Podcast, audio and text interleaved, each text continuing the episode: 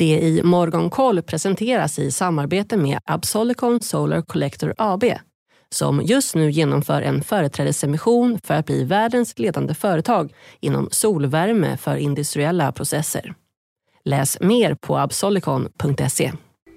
God morgon, välkommen till det i Morgonkoll.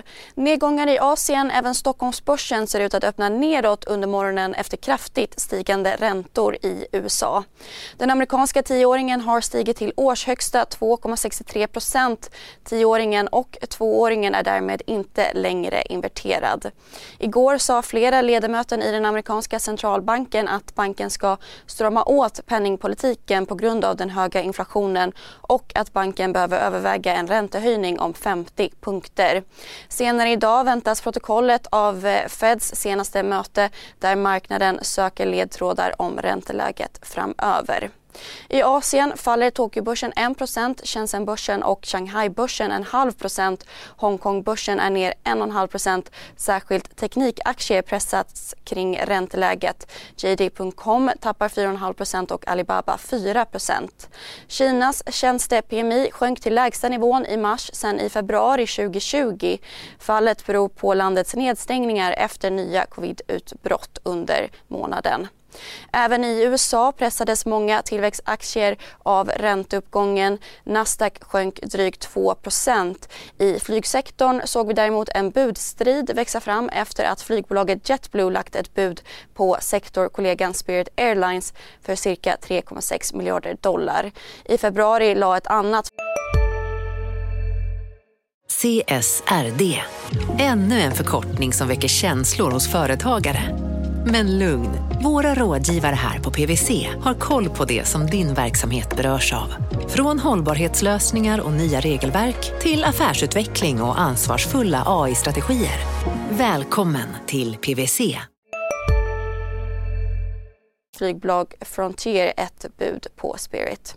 Läkemedelsbolaget Moderna backade 6% efter att Afrikanska unionen och det internationella vaccinsamarbetet Covax avböjt erbjudande om att köpa hundratals miljoner extra doser av vaccin mot covid-19. Twitters aktie däremot fortsatte upp 2% efter veckans rus på att Elon Musk köpt aktier i bolaget och tar plats i bolagets styrelse. Bolaget meddelade också att de begränsar 300 regeringskonton med koppling till ryska regimen. Och enligt uppgifter till Financial Times ska USA införa totalförbud mot investeringar i Ryssland. Ytterligare uppgifter väntas under dagen. Utrikesminister Antony Blinken har även meddelat att ett nytt stödpaket värt 100 miljoner dollar skickas till Ukraina. Så Sverige, aktivistfonden Sevian med grundare Christer Gardell kan vara på väg att komma tillbaka som ägare i lastbilskoncernen Volvo. Enligt uppgifter överväger Sevian att köpa en större post i bolaget. För fyra år sedan sålde Sevian sina knappa 10% i Volvo till kinesiska Geely. Medicinteknikbolaget Synthetic MR vinstvarnar för det första kvartalet.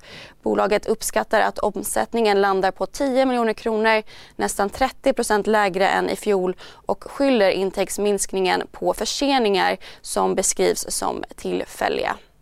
Under dagen ser jag fram emot det senaste Fed-protokollet och rapport från bland annat IT-bolaget Dustin. Missa inte heller Börsmorgon med start 8.45.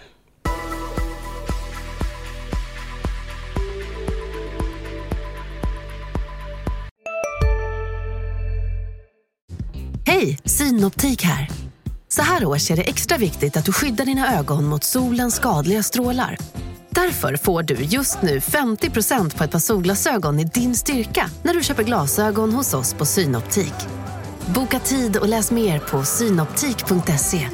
Välkommen!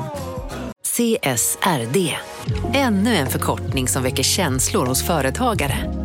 Men lugn, våra rådgivare här på PWC har koll på det som din verksamhet berörs av. Från hållbarhetslösningar och nya regelverk till affärsutveckling och ansvarsfulla AI-strategier. Välkommen till PWC.